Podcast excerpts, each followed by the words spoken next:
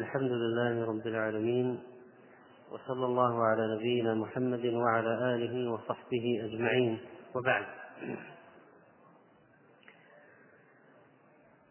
فمن قصص القرآن الكريم قصة أصحاب السبت.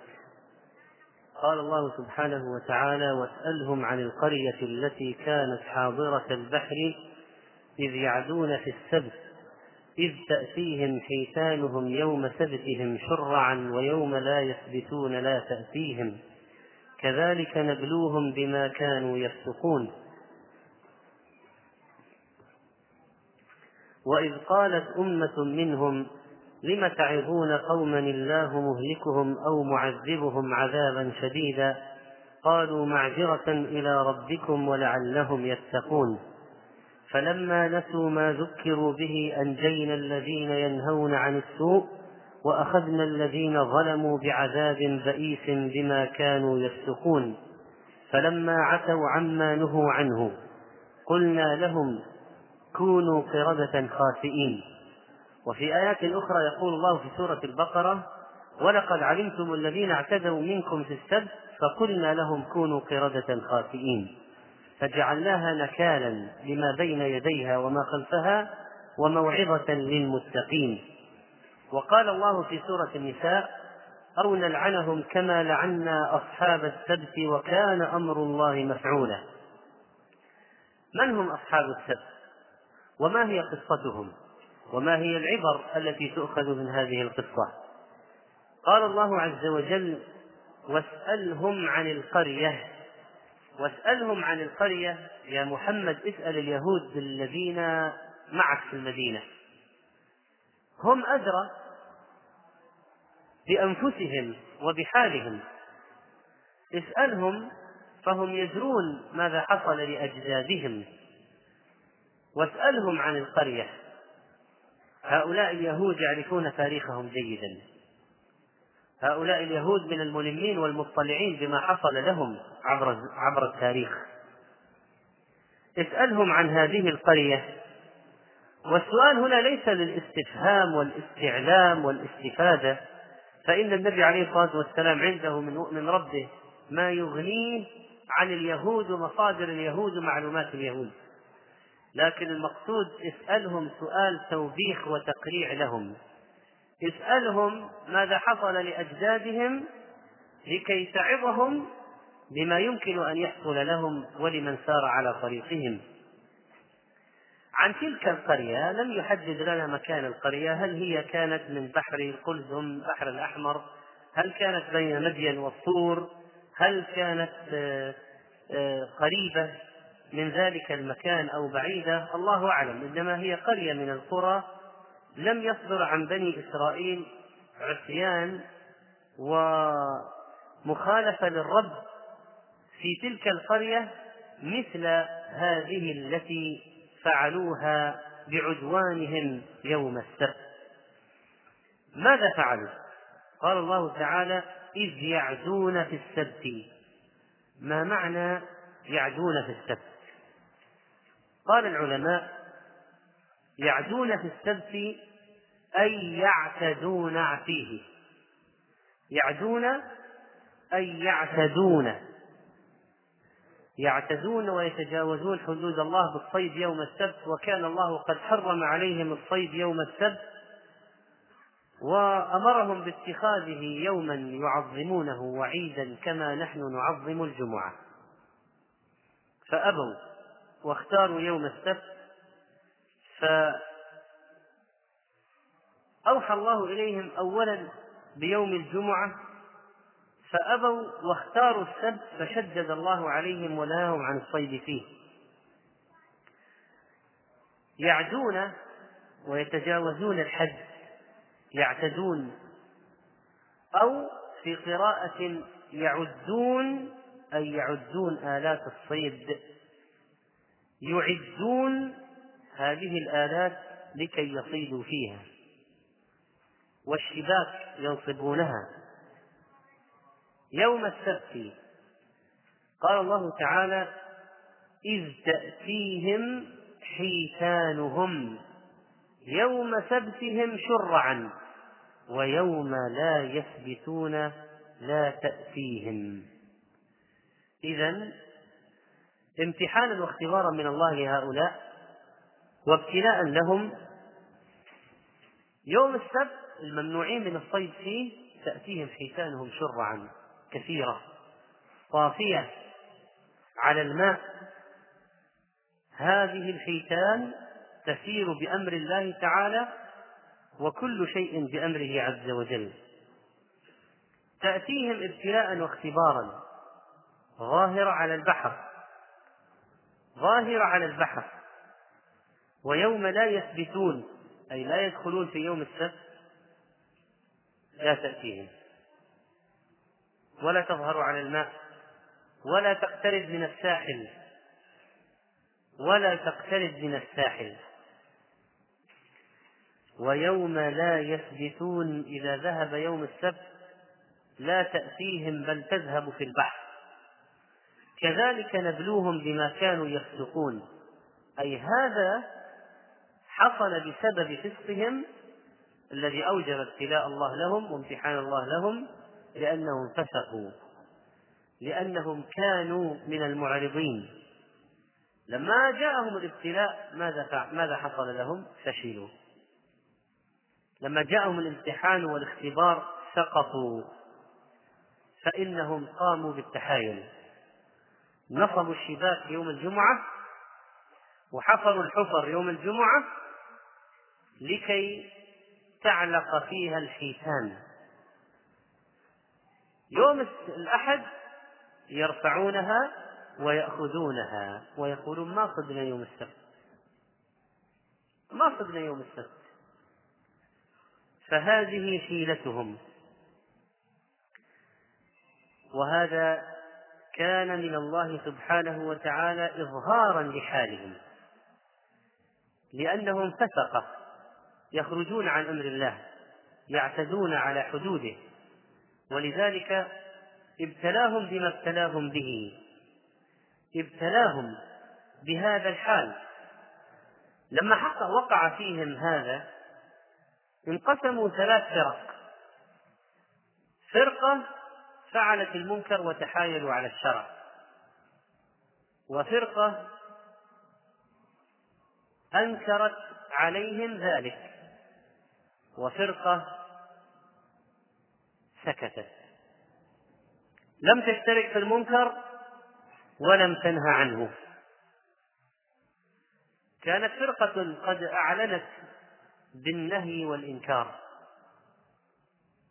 على تلك الفرقة المعتدية والفرقة الثالثة التي سكتت. واكتفت بإنكار المنكرين.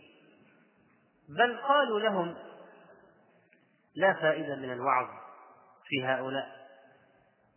الفرقة الثالثة التي سكتت قالت للفرقة الثانية التي نهت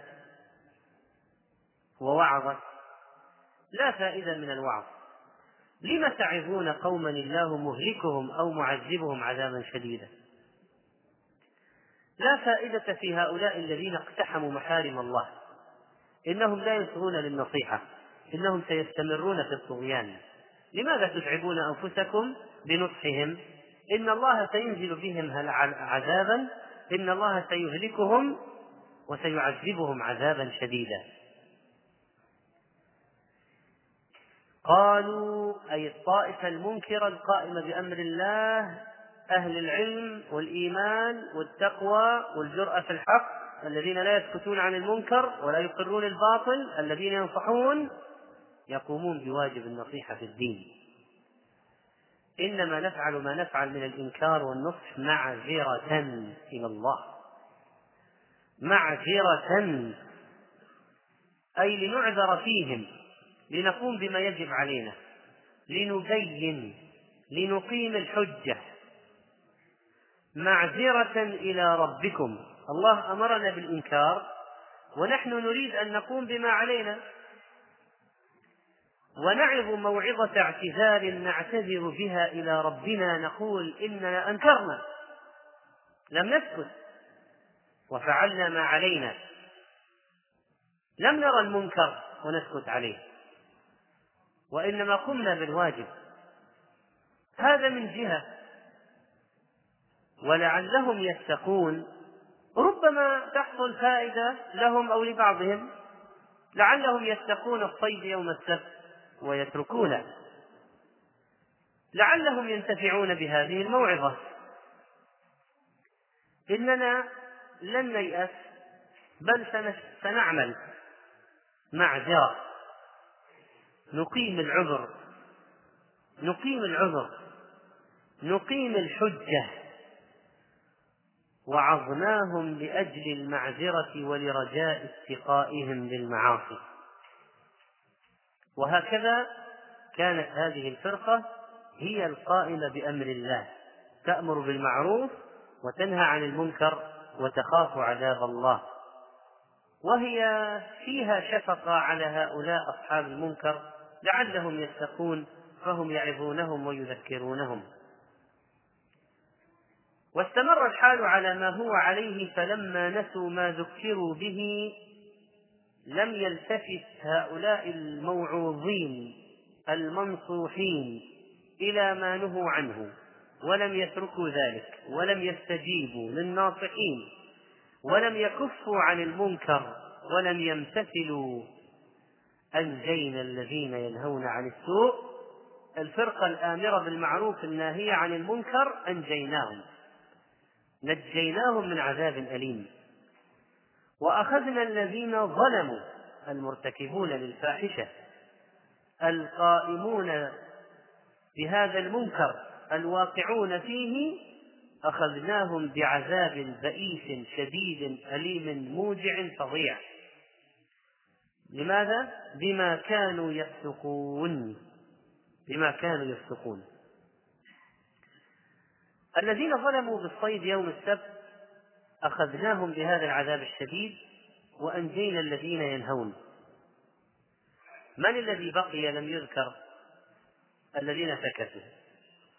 اختلف العلماء في الذين سكتوا هل كانوا مع الناجين أو كانوا مع الهالكين. لأن الله لم يذكر مصيرهم في الآية. هو ذكر ثلاث فرق وطوائف. ولكن لما نزل العذاب ما ذكر إلا فرقتين. أنجينا الذين ينهون عن السوء وأخذنا الذين ظلموا بعذاب بئيس بما كانوا يفسقون. فهنا اختلف المفسرون ماذا حصل وحل بالفرقة الثالثة. ولعل الراجح والله أعلم أن هذه الفرقة الثالثة هذه الفرقة الثالثة نجت. لأن الله ذكر أنه أنزل العذاب بالذين ظلموا. وهؤلاء الفرقة الثالثة كانوا كارهين في الحقيقة كارهين لعمل أولئك القوم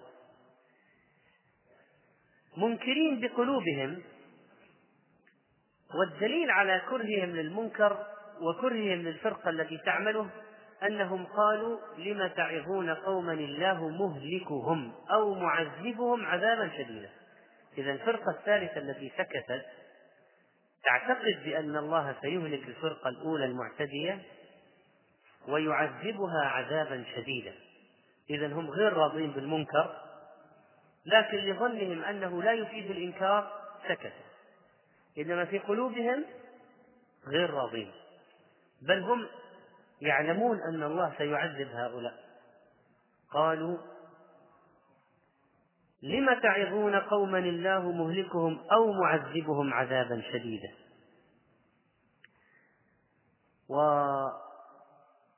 وهنا يفسر العذاب في الآية التي بعدها. فماذا كان العذاب؟ قال الله عز وجل في عذابهم ولقد علمتم الذين اعتدوا منكم في السبت فقلنا لهم كونوا قردة خاسئين فجعلناها نكالا لما بين يديها وما خلفها. جعلنا هذه القرية بهذا الظلم جعلناها نكالا عبرة لما بين يديها وما خلفها. لمن قبلهم ولمن بعدهم لمن أمامهم ولمن خلفهم مكانا وزمانا. جعلهم الله عبرة لمن بعدهم وعبرة لمن أمامهم في المكان ومن خلفهم في المكان ولمن بعدهم في الزمان. فلما عتوا عما نهوا عنه قلنا لهم كونوا قردة فكانوا قردة.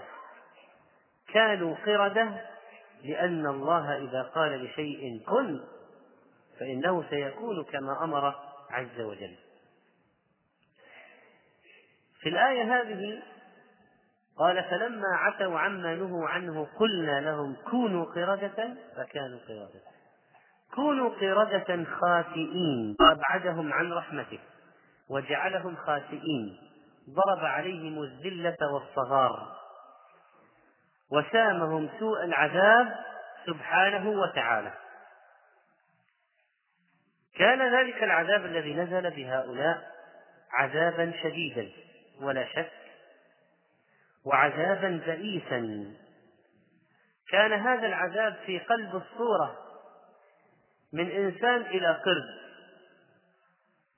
وصاروا بسبب هذا الانقلاب في الخلقة أجلاء صاغرين. لقد مسخوا وتغيرت أشكالهم وحل بهم البؤس. وكانوا كالقردة في الطيش والشر والإفساد. وليس بصحيح أن قلوبهم مسخت فقط وإنما المسخ إلى تعدى إلى الشكل والصورة. كان هذا المسخ لمخالفتهم الأوامر وتماديهم في العصيان ومن ضمن ذلك اصطيادهم الحيتان في اليوم الذي نهوا عن الاصطياد فيه. فقل يا محمد لهؤلاء اليهود الذين عندك بالمدينة ما حال أسلافكم الذين مسخوا قردة؟ ولماذا مسخوا قردة؟ ذكرهم بما كان عليه أسلافهم لعلهم يتعظون وهم يكذبونك بنبوتك وينكرونها. والله عز وجل قال وإذ تأذن ربك ليبعثن عليهم إلى يوم القيامة من يسومهم سوء العذاب وقال الله وإن عدتم عدنا وإن عدتم عدنا وقطعهم الله في الأرض أمما وفرقهم فيها في الأرض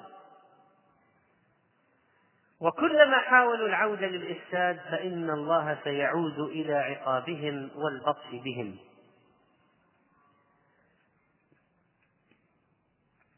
نعود إلى قضية هؤلاء الذين سكتوا واختلاف العلماء على قولين. قال بعضهم إنهم من الناجين وقيل إنهم من الهالكين. والصحيح الأول عند المحققين وهو الذي رجع إليه ابن عباس رضي الله عنه في مناظرته مع مولاه عكرمة. تلك المناظرة التي كفئ عليها عكرمة رحمه الله بحلتين. بحلتين نفيستين. ما هي هذه المناقشة؟ روى عبد الرزاق وابن جرير عن عكرمة عكرمة كان مولى ابن عباس. قال جئت ابن عباس يوما وهو يبكي. يقول عكرمة جئت ابن عباس يوما وهو يبكي. وإذا المصحف في حجره فأعظمت أن أدنو منه. ثم لم أزل على ذلك حتى تقدمت. تجرأت واقتربت من ابن عباس رضي الله عنه. فجلست. فقلت ما يبكيك؟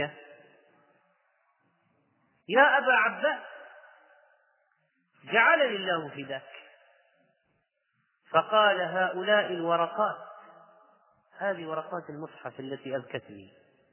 ما هي؟ وماذا فيها؟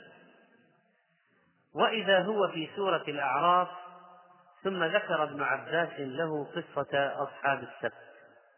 ثم قرأ ابن عباس فلما نسوا ما ذكروا به أنجينا الذين ينهون عن السوء وأخذنا الذين ظلموا بعذاب بئيس.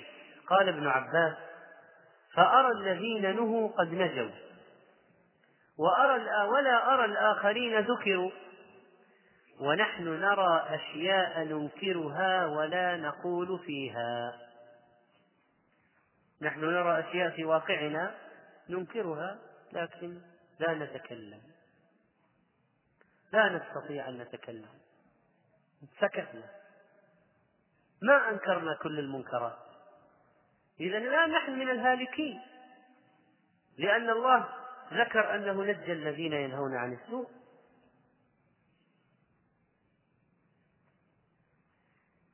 فقال عكرمة جعلني الله فداك. ألا ترى أنهم قد كرهوا ما هم عليه؟ يعني هؤلاء الذين سكتوا. كرهوا ما عليه المعتدون. ألا ترى أنهم قد كرهوا ما هم عليه وخالفوهم؟ وقالوا لم تعظون قوما الله مهلكهم؟ قال فأمر لي فكسيت ثوبين غليظين. مكافأة يعني نفيسين ليس برقيقين نفيسين مكافأة له. وجاء عن ابن عباس رضي الله عنهما أنه قال لم يعيشوا إلا فواقا ثم هلكوا ما كان لهم نسل. إذا هؤلاء الممسوخين لم يعيشوا كثيرا. وجاء عن الضحاك عن ابن عباس أنه قال لم يعش مسخ قط فوق ثلاث أيام. فوق ثلاثة أيام. ولم يأكل هؤلاء ولم يشربوا ولم ينسلوا. والمسخ هو تغيير الصورة الظاهرة للإنسان. وقد أخبرنا الله تعالى عنه في مواضع من كتابه. قلنا لهم كونوا قردة خاسئين. فقلنا لهم كونوا قردة خاسئين. هل أنبئكم بشر من ذلك مثوبة عند الله من لعنه الله وغضب عليه وجعل منهم القردة والخنازير؟ وهذا المسخ عقوبة من الله تعالى. وبالمناسبة فإن هذا المسخ ليس خاصا ببني إسرائيل وإنما سيقع في هذه الأمة. ومن الموعودين بالمسخ في هذه الأمة الموعود مسخ هذه الأمة من الموعودين؟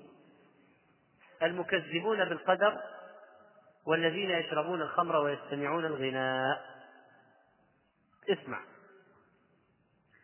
روى ابن ماجة عن عبد الله بن مسعود عن النبي صلى الله عليه وسلم قال بين يدي الساعة مسخ وخسف وقذف. رواه ابن ماجه وصححه الألباني.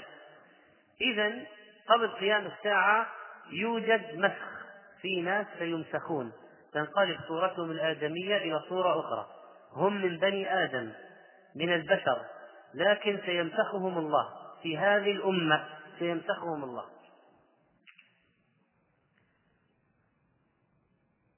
وخسف والخسف ذهاب في الأرض بأن تنشق وتبتلع أشخاصا أو بيوتا أو بلادا. حصل فيما قبلنا وخسف الله بقارون. مثلا خسف خسفنا به وبداره الأرض. بالنسبة للقذف لأنه قال في هذه الأمة بين يدي الساعة مسخ وخسف وقذف. ما هو القذف؟ القذف الرمي بالحجارة. لقد حصل في قوم لوط وأمطرنا عليهم حجارة من سجين. ما هو الدليل؟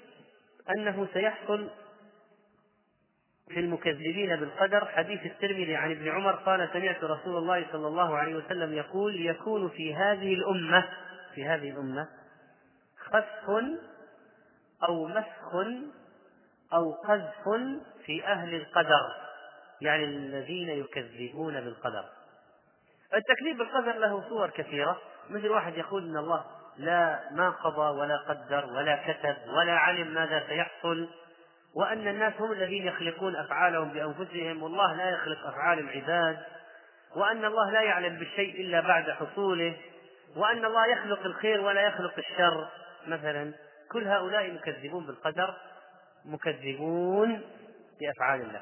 لأن عقيدة أهل السنة والجماعة عقيدة الطائفة المنصورة عقيدة الحق أن الله خالق الخير وخالق الشر يعلم ما كان قبل أن يكون كتبه عنده في اللوح المحفوظ وهو خالق أفعال العباد والله خلقكم وما تعملون وأعطاهم إرادة ليحاسبهم. أعطاهم إرادة ليحاسبهم. أما بالنسبة لوقوع الخسف والمسخ والقذف في أصحاب الخمور والأغاني فاسمع الدليل عليه. روى الترمذي عن عمران بن حصين أن رسول الله صلى الله عليه وسلم قال في هذه الأمة خسف ومسخ وقذف فقال رجل من المسلمين يا رسول الله يا رسول الله ومتى ذاك؟ ومتى ذاك؟ قال إذا ظهرت القينات القينات يعني المغنيات. وعصرنا هذا ظهرت المغنيات. هو الحديث يقول ظهرت. والآن ظهرت على الشاشات والقنوات والمسارح والصالات. ظهرت. قال إذا ظهرت القينات والمعازف المعازف العود الكمنجة الجيتار القانون المزمار الطبل كل المعازف كل الآلات التي تقرع قرعا وينفخ فيها ويعزف عليها يضرب عليها كل ذلك قد ظهر. قال إذا ظهرت القينات والمعازف وشربت الخمور حديث صحيح رواه الترمذي رحمه الله وصححه الألباني. إذا هذه الأحاديث تدل على وقوع المسخ في الأمة عقوبة على بعض المعاصي. ذكر لنا من الناس الممسوخين في هذه الأمة أهل القدر وأهل الخمر وأهل الأغاني. فيجب على المسلم أن يحذر من هذه أشد الحذر. وهذا الدليل على تحريم الأغاني لأن الله لا يمسخ على شيء مباح. هل الله يمسخ ناس يسمعون أشياء مباحة؟ لا. ولذلك لو قال واحد أعطينا دليل على تحريم الأغاني نقول هذا هو من الأدلة؟ هذا هو. أن الأمة سيكون فيها خسف ومسخ وقذف. فقال رجل من المسلمين يا رسول الله ومتى ذاك؟ قال إذا ظهرت إذا ظهرت من زمان يمكن يعني لو حضرت مغنية كم واحد سيستمع لها؟ ستظهر أمام من؟ كان في مغنيات في القصور وعند بعض الكبراء والأغنياء يعني لكن الآن زماننا غير يختلف. الظهور الآن كلمة ظهر فعلا ظهر. ظهرت. الشوارع الأسواق. الأغاني في كل مكان تدخل مطعم تسمع مطعم تسمع أغاني تطلع تدخل سوق تسمع أغاني تدخل محل محلات تسمع أغاني تدخل في البيت تسمع أغاني تدخل في كل مكان تسمع أغاني. ظهرت. أليس هذه الكلمة قد انطبقت؟ ظهرت. وهذه القنوات الفضائية والبث والإف إم ظهرت في الإف إم وفي الموجات الطويلة والموجات القصيرة والموجات المتوسطة والهوائيات والفضائيات والمسارح وعلى هواء الطلق يقول لك هذا مهرجان كذا الغنائي ظهر. إذا ظهرت القينات الذي أخبر عنه النبي عليه الصلاة والسلام حصل الشر بقي يحصل المسخ. فلا تستغرب إطلاقا ولا تستنكر. إذا نمنا قمنا سمعنا أنه في ناس مسخوا قردة أو خنازير في الأمة هذه. ممكن. يقول لك واحد كانوا في حفلة حفلة ولا في بدل الأوادم بدل البشر في قردة وخنازير. لأن النبي عليه الصلاة والسلام لا يقول باطلا يقول حقا. إن هو إلا وحي يوحى. هل حصل مسخ يعني من عهد النبي عليه الصلاة والسلام إلى عهدنا هل حصل؟ طبعا هو لو حصل كان اشتهر في كتب التاريخ وقاله العلماء وذكروه. يمكن ذكرت حالات فردية عن أشخاص من أهل البدع من أهل البدع. ذكر بعض العلماء أن بعض أهل البدع مثل الرافضة قال أنه مثلا كان فلان يقع في الصحابة ويفعل كذا ويقول كذا ولما حضرته الوفاة أو مات كشفت عن وجهه فإذا وجهه خنزير. قالوا يعني ذكروا حالات فردية حالات ذكرت في بعض كتب التاريخ والعقيدة حالات فردية من أشخاص يعني عند الموت انقلبت خلقته خلقته إلى خلقة خنزير. وجد يعني لكن حالات فردية. إنما قرية أو بلد أو مجمع كذا انقلبوا إلى قردة وخنازير ربما ليس موجودا في الكتب يعني من عهد النبي صلى الله عليه وسلم إلى عهدنا. يمكن هذا الشيء لم يحدث حتى الآن اللي هو المسخ الجماعي مثلا. يمكن صار في مسخ حالات فردية ذكرها بعض العلماء في كتب التاريخ. إذا لا بد أن يحصل في زماننا بعد زماننا لا بد أن يحصل. وقد جاء في صحيح البخاري إن قوما يبيتون على لهو ولعب ومعازف وخمر يرسلون الراعي يسرح بالغنم. يعني يبيتون في الليل خمر ومعازف ومغاني وأغاني ومغنيات. يرسلون راعيا يرعى بغنمهم. ثم يرجع إليهم فيجدهم قد مسخوا قرد وخنازير فيرجع إلى القوم الذين كان معهم فما يجد بشر ما يجد أشكال الآدميين وإنما يجد ناس قد صاروا. صاروا قردة وخنازير.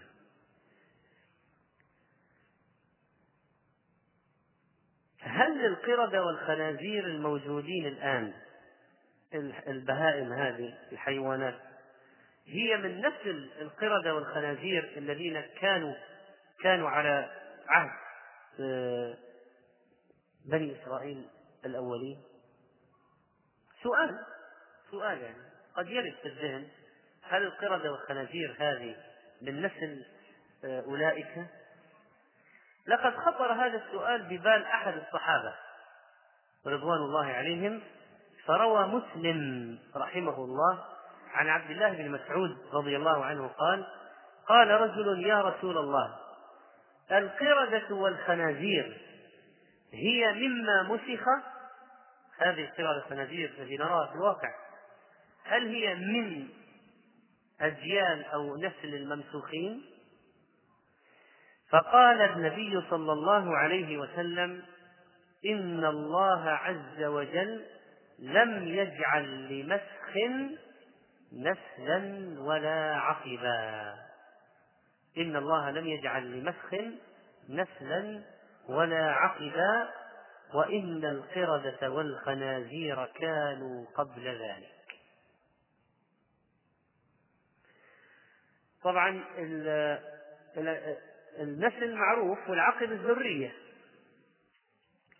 فقوله صلى الله عليه وسلم وإن القردة والخنازير كانوا قبل ذلك أي قبل مسخ بني إسرائيل. فدل ذلك على أن هذا ليس من المسخ. ليس من المسخ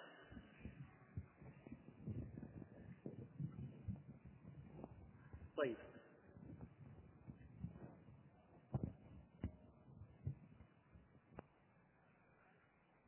هنا ممكن نتكلم في موضوع نظرية داروين الذي قال إن الناس هؤلاء تطوروا من قردة والقردة تطورت من مخلوقات قبلها وذات الخلية الواحدة والأميبا ثم صارت برمائيات وثدييات وقرد على رأس الهرم الهرم تطور إلى إنسان. طبعا هذه نظرية سخيفة مضحكة. لأنك لو قلت لداروين هذا القردة تطورت إلى بشر طيب والقردة الموجودة في حديقة الحيوانات هذه ليش ما تطورت إلى بشر؟ لماذا لم تتطور يعني؟ من الذي تطور؟ وأين المراحل التي بين القرد والإنسان يعني مثلا هذا القرد مثلا يتكلم كلمتين على بعض بعدين كم كلمة بعدين فأين المراحل؟ وما بال القردة الموجودة الآن لم تتطور بقيت قردة ليش؟ سبحان الله. وهذه النظرية على عفونتها وفشلها وعدم استطاعتهم أن يأتوا بالمراحل بدقة الموجودة التطور وأنهم افترضوها افتراضا. وقالوا عثرنا على أحفورة وعثرنا على افتراضات ونظريات طبعا هي تصادم قول الله لقد خلقنا الإنسان في أحسن تقويم. والله خلق آدم من إيش؟ من تراب. ثم نفخ فيه من روحه. فإذا آدم خلق أصلا هو بهذه الهيئة. هو خلق بهذه الهيئة أصلا. خلق من تراب من طين من صلصال من حمأ مسنون. سواه ونفخ فيه من روحه فقام بين يديه.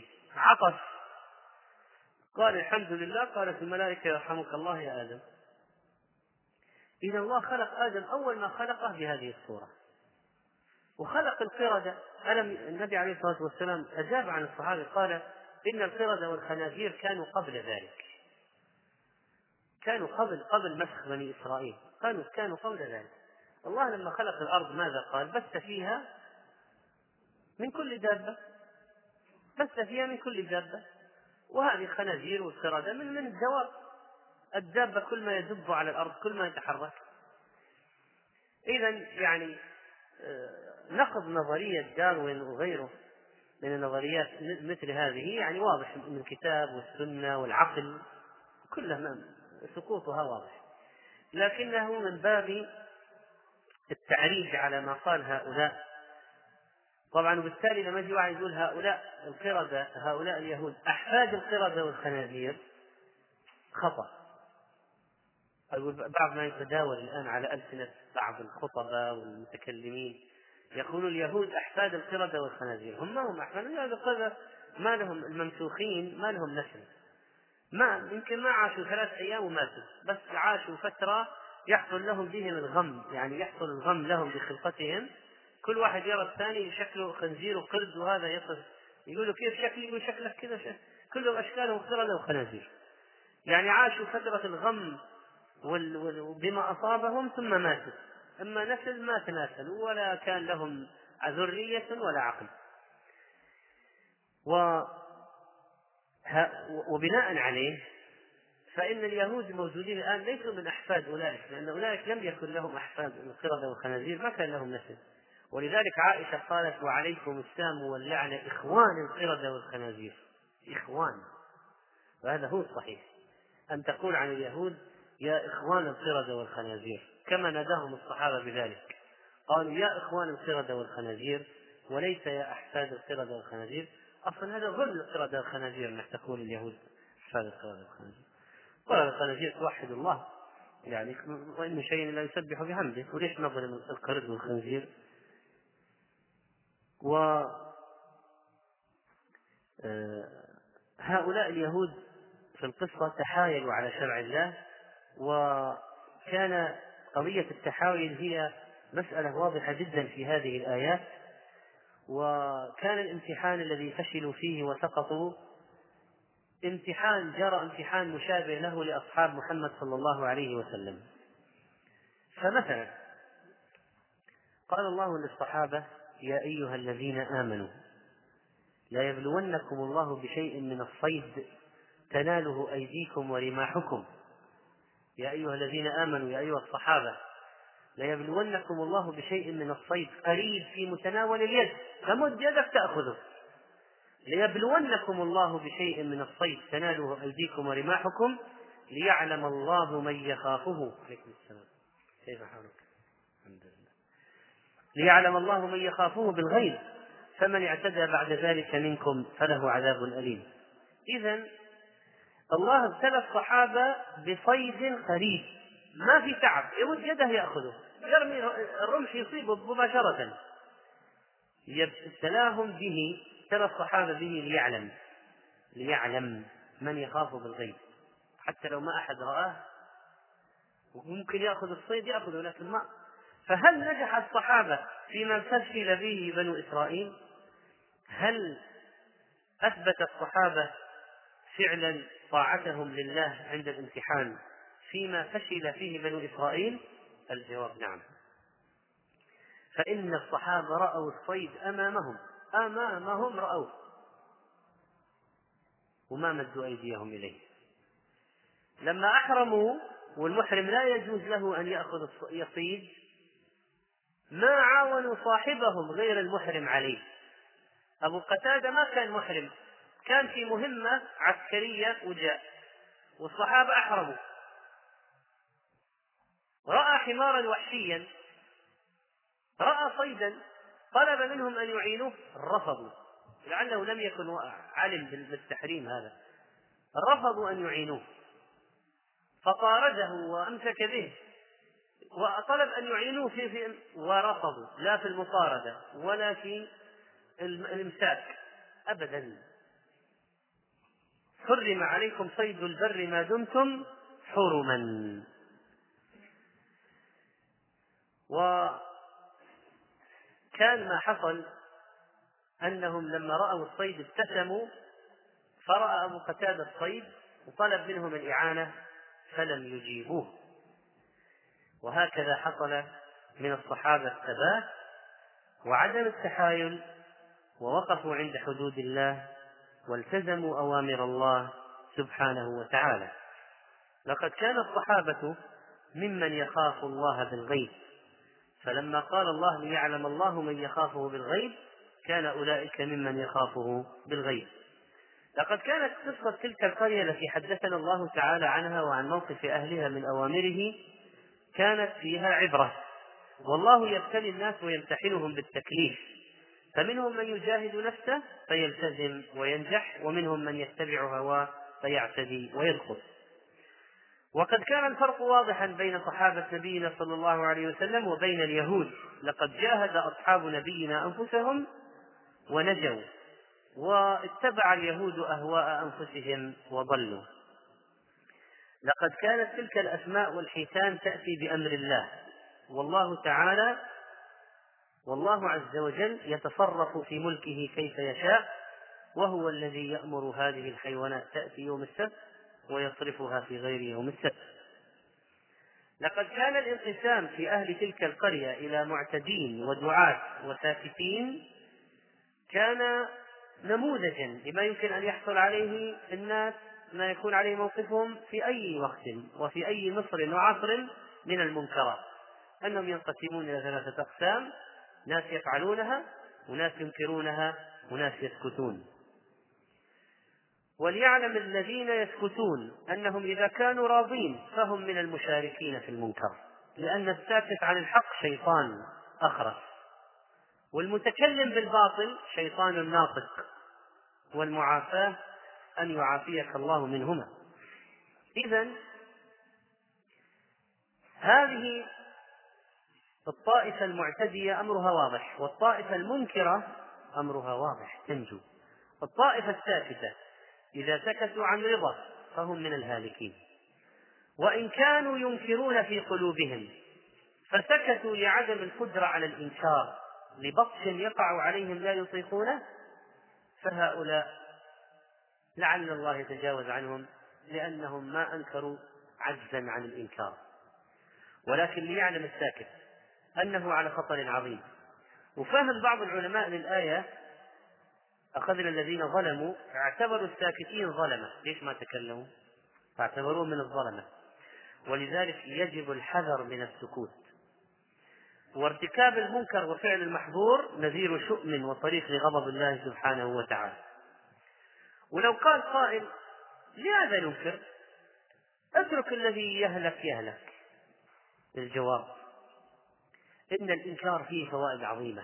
أولا إعلان الحق.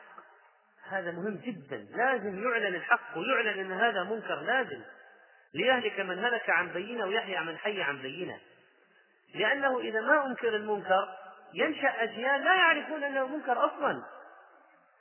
ولذلك يكون السكوت جريمة.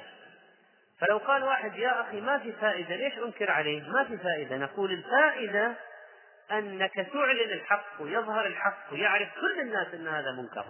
هذا واجب. واجب أن يعلن المنكر أنه منكر. هذا قيام لله بالحجة. الله لماذا على ماذا أخذ العهد؟ العهد على أهل العلم. لتبيننه للناس ولا تكتمونه. فيجب الانطلاق في الدعوة والوعظ من الباعثين الأساسيين. الإعذار أمام الله.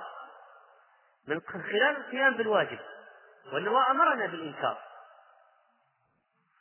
فإذا أنكرنا خلاص قمنا بالواجب. اثنين أقمنا الحجة وأعلناها. ثلاثة لعل هؤلاء يرتدعون لعله يكون فيها فائدة لعل التذكرة تنفع لعل الموعظة تجدي. ما لا نعلم الغيب. صح هذا ظاهر أنه معرض وسادر في الغي ومصر لكن قد يهديه الله. ثم إذا أنكرت عليه اليوم لا يشترط إنه اليوم يقلع. قد يقلع بعد أسبوع. قد تؤثر موعظتك فيه بعد شهر. قد تكون موعظتك نصف مؤثرة في نفسه. فتأتي موعظة من آخر فيكتمل التأثير فيترك. يعني لا تفترض أن أن نصيحتك ما تؤثر أبدا في المعرض. هي نقطة في قلبه. ستبقى. ستبقى. ستبقى كلماتك ترن في أذنه حتى يأذن الله يوم من الأيام أن يستجيب. ما هو شرط الاستجابة تكون فورية؟ ممكن الاستجابة تكون بعد فترة. وما يدريك يعني ما يدريك. هل أنت تقول الذين يقولون لا فائدة من الإنكار. لماذا لا فائدة من الإنكار؟ هل شققنا عن قلوب العباد؟ هل نعلم ماذا رسخ فيها؟ هل نعلم هل نعلم أنهم لن يستجيبوا في المستقبل؟ ما, ما يدرينا. ولذلك نحن علينا الأصل. القيام بالواجب بيان الحق إنكار المنكر. ثم الكلمة لها قوة وقيمة وتأثير وبالذات إذا خرجت من قلب صادق. ثم الإنكار يدل على الغيره على محارم الله. يعني حتى لو ما استجاب المنكر عليه كونك تبين غيرتك كونك تسجل موقفا كونك تعلن الحق هذا مكسب مكسب عظيم. وأما الذين يكتفون بالسلب ويؤثرون الانعزال والهروب من ميدان النصح والدعوة والتذكير. فهؤلاء جبناء لماذا يفعلون ذلك؟ ثم إذا تفشت المعاصي ما في واحد ينكر فتتفشى أكثر. لكن لو في منكرين يمكن أهل المعصية يحذرون من إعلان المعصية التي بعدها. يعني فكر في هذه القضية. هب أن منكرا قام وقام واحد قال يبدو أنه لا فائدة من الإنكار المنكر قائم قائم. يا أخي لو أنكرته وأنكره فلان وفلان وفلان. لو فرضنا ما زال المنكر لكن أهل الباطل هل تتوقع إذا أرادوا أو كان في خطتهم أن يعلنوا منكرا ثانيا أن ذلك يسهل عليهم؟ أو أنهم سيحسبون حساب هذه الإنكارات؟ إذا الإنكارات لها فائدة. لو ما كان في هذا المنكر فإن هناك يمكن منكرات أخرى. لا تقوم بسبب الإنكار الآن. ولذلك لا بد من الاستمرار في الإنكار. الاستمرار شعارك. الاستمرار في الإنكار. ثم إن نسيان الأحكام الشرعية مصيبة عظيمة. وقلنا أن الأجيال ممكن تنسى مع الوقت وبقاء الإنكار على الأقل الصغار الصغار الناس الآخرين الجهلة. في جاهل في صغير مثلا. يعرف أن هذا حرام منكر يعرف أنه منكر. أما إذا سكتنا الصغار الأجيال الجديدة لن تعرف أن هذا منكر ولن تفرق بين الحق والباطل. وكذلك فإن المعاصي تنتج المصائب كما تدل عليه هذه القصة وأنها نذير شؤم وأنها شؤم هي بنفسها على العباد. لقد كان المسخ في هذه القرية إلى قردة. مسخا حقيقيا وآية من آيات الله سبحانه وتعالى ليبين عز وجل قدرته في خلقه. ومسألة التحايل قضية خطيرة جدا. الحيل من الحيل أو قضية التحايل هذه قضية التحايل آه، أن يستعمل ما خفي أن يستعمل ما خفي وما دق ويتوصل إلى المقصود يتوصل إلى المقصود بطريقة خفية. ممكن أحيانا تكون الحيلة تكون الحيلة مشروعة والهدف حرام. ممكن تكون الحيلة محرمة والهدف مشروع وممكن تكون الحيلة محرمة والهدف محرم وممكن تكون الحيلة صحيحة والهدف مشروع. فمثلا يعني لو واحد أراد أن يقر له شخص بدين عليه مثلا أعطاه فلوس وجحده قال ما لك شيء روح اشتكي. فلو أن هذا الشخص صاحب الحق دعا رجلين يقفان وراء الستار في مكان خفي ثم أتى هذا صاحب الذي أخذ منه المال أتى به إلى المجلس وقال يا فلان أنا ما أعطيتك المال يوم كذا كذا. قال بلى. ما استلمته مني. قال بلى. قال طيب رده لي. قال لا. قال طيب روح المحكمة. لا نشتكي أصلا ما عندك بينة. ثم خرج الرجلان فرأياه وعرفاه وهو صاحب الصوت الذي أقر وتكلم. ثم ذهب إلى القاضي وقال نحن البينة. هذه حيلة ولا لا؟ حيلة. الحيلة جائزة؟ نعم. هما كذب ولا عمل شيئا محرما. طيب الهدف مشروع وهو إثبات حقه نعم. إذا حيلة مشروعة لهدف مشروع جائزة. طيب ممكن تكون حيلة محرمة لهدف مشروع. كأن آه، إنسان مثلا يريد الحج أو يريد العمرة ويعمل حيلة للذهاب إلى الحج والعمرة لكن حيلة محرمة.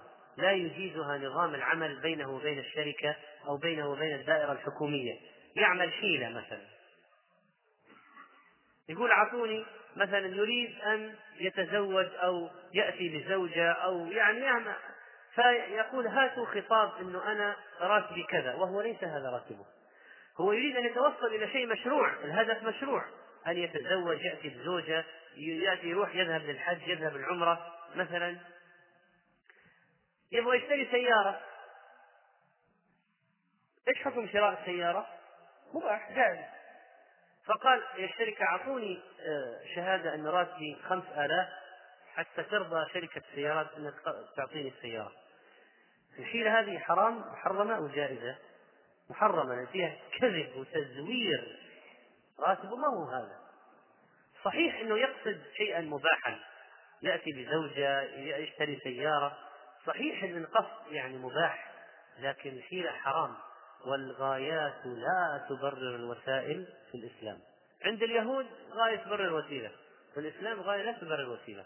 لا بد تكون الوسيلة مشروعة مباحة جائزة والوسيلة جائزة والهدف مشروع. أحيانا واحد ممكن يرتكب حيلة محرمة للتوصل إلى يعني شيء محرم. وكمن يزور ليأكل مال أيتام يعني كلها حرام في حرام. من الحيل مثلا قضية نكاح التحليل. واحد طلق زوجته ثلاثا فقال لشخص يا أخي تعال أنت تزوجها وطلقها حتى أنا أتزوجها بعدك. أنا متعلق بها جدا والأولاد تشردوا بعدها. وأنا أريدك أن تعقد على الزوجة وتطلقها بعد ذلك. حيلة. الرسول عليه الصلاة والسلام لعن المحلل والمحلل له. لعن المحلل والمحلل له. طيب إذا ما حكم نكاح التحليل؟ حرام. لا يجوز. حيلة. حرام. واحد يبغى يسلف واحد ثلاثين ويأخذ منه أربعين. قال إيش رأيك أن أبيعك شيئا بالأقساط أبيعك سيارتي بأربعين ألف بالأقساط بعد سنة تسددها ثم تبيعها علي نقدا بثلاثين. أنا أبيعها عليك بأربعين بالأقساط إلى سنة ثم أشتريها منك بثلاثين نقدا. فأعطيك الثلاثين ويبقى عليك أربعين تجيبها بعد سنة. ما هذا؟ حيلة. ما حكمها؟ محرمة. يتوصل إلى الربا بهذه الحيلة حيلة محرمة. يخادعون الله كأنما يخادعون الصبيان. تغيير الاسم لا يغير من الحقيقة شيئا. فمثلا لو واحد من من الحيل الموجودة الآن آه، مثلا يسمون المحرمات بأسماء أخرى. مثلا تسمية الربا فائدة. تسمية الربا عوائد بنكية. تسمية الربا آه، عائد على الاستثمار أو كلفة القرض أو القيمة الزمنية للقرض أو ضريبة تأخير. في بعض الناس يسمي الربا هو ربا ربا ما, ما في كلام لكن يسميه ضريبة تأخير. إذا تخلف عن السداد في الوقت المحدد يجعل عليه غرامة جزاء كل مئة ثلاثة. هذا ما هو حرام؟ ربا. لا يجوز. لكن سموه غرامة. ضريبة تأخير إذا هو ربا. فالذي يسمي الخنزير لو أتيت بخنزير كتبت عليه خروف. أخذت فخاخ كتبت على الخنزير خروف. بخط الثلث وبالرقعة وبالنسخ والفارسي والكوفي وشيك بالإنجليزي. فهل هذا يتحول إلى خروف بالكتابة عليه؟ يبقى خنزيرا. إذا سمه ما شئت فيبقى خنزير. ومهما تفنن الناس. ولذلك الذين يغيرون هذه الأشياء الرسول صلى الله عليه وسلم أخبرنا عن ناس يأتون يغير يشربون الخمر يسمونها بغير اسمها. يسمونها بغير اسمها. كما قال صلى الله عليه وسلم لا يشربن ناس من أمة الخمر يسمونها بغير اسمها يعزف على رؤوسهم بالمعازف والمغنيات يخسف الله بهم الأرض ويجعل منهم القردة والخنازير. رواه ابن ماجه وهو حديث صحيح. الآن يسمى في عصرنا الكفر يسمى حرية رأي. الردة عن الإسلام تسمى حرية الفكر. موالاة الكفار تسمى حكم حكمة وبعد نظر. الميسر والقمار يسمى يا نصيب خيري. الفاحشة والخمور تسمى سياحة. الموسيقى المحرمة ونحت التماثيل والصور تسمى فنون جميلة. الزنا جيرل فريند وهكذا تسمى الأشياء بغير اسمها. ومشكلة اليهود ومصيبتهم أنهم استحلوا محارم الله بأدنى الحيل. حرم الله عليهم الشحوم فجملوها وأذابوها وباعوها وأكلوا ثمنها. قالوا نحن بعنا إيش؟ بعنا دهن بعنا مائع. نحن ما بعنا الشحم ما اشترينا الشحم ولا شك أن هذا أشد إثما. وكونهم فعلوا ذلك لا يجديهم شيئا. ولا ينفعهم في شيء. إذا يؤخذ من هذه القصة العظيمة تحريم الحيل المحرمة وأنها لا تجوز الحرام بل تبقيه حراما لكن الإثم يكون أشد. الإثم يكون أشد. نسأل الله السلامة والعافية وصلى الله على نبينا محمد.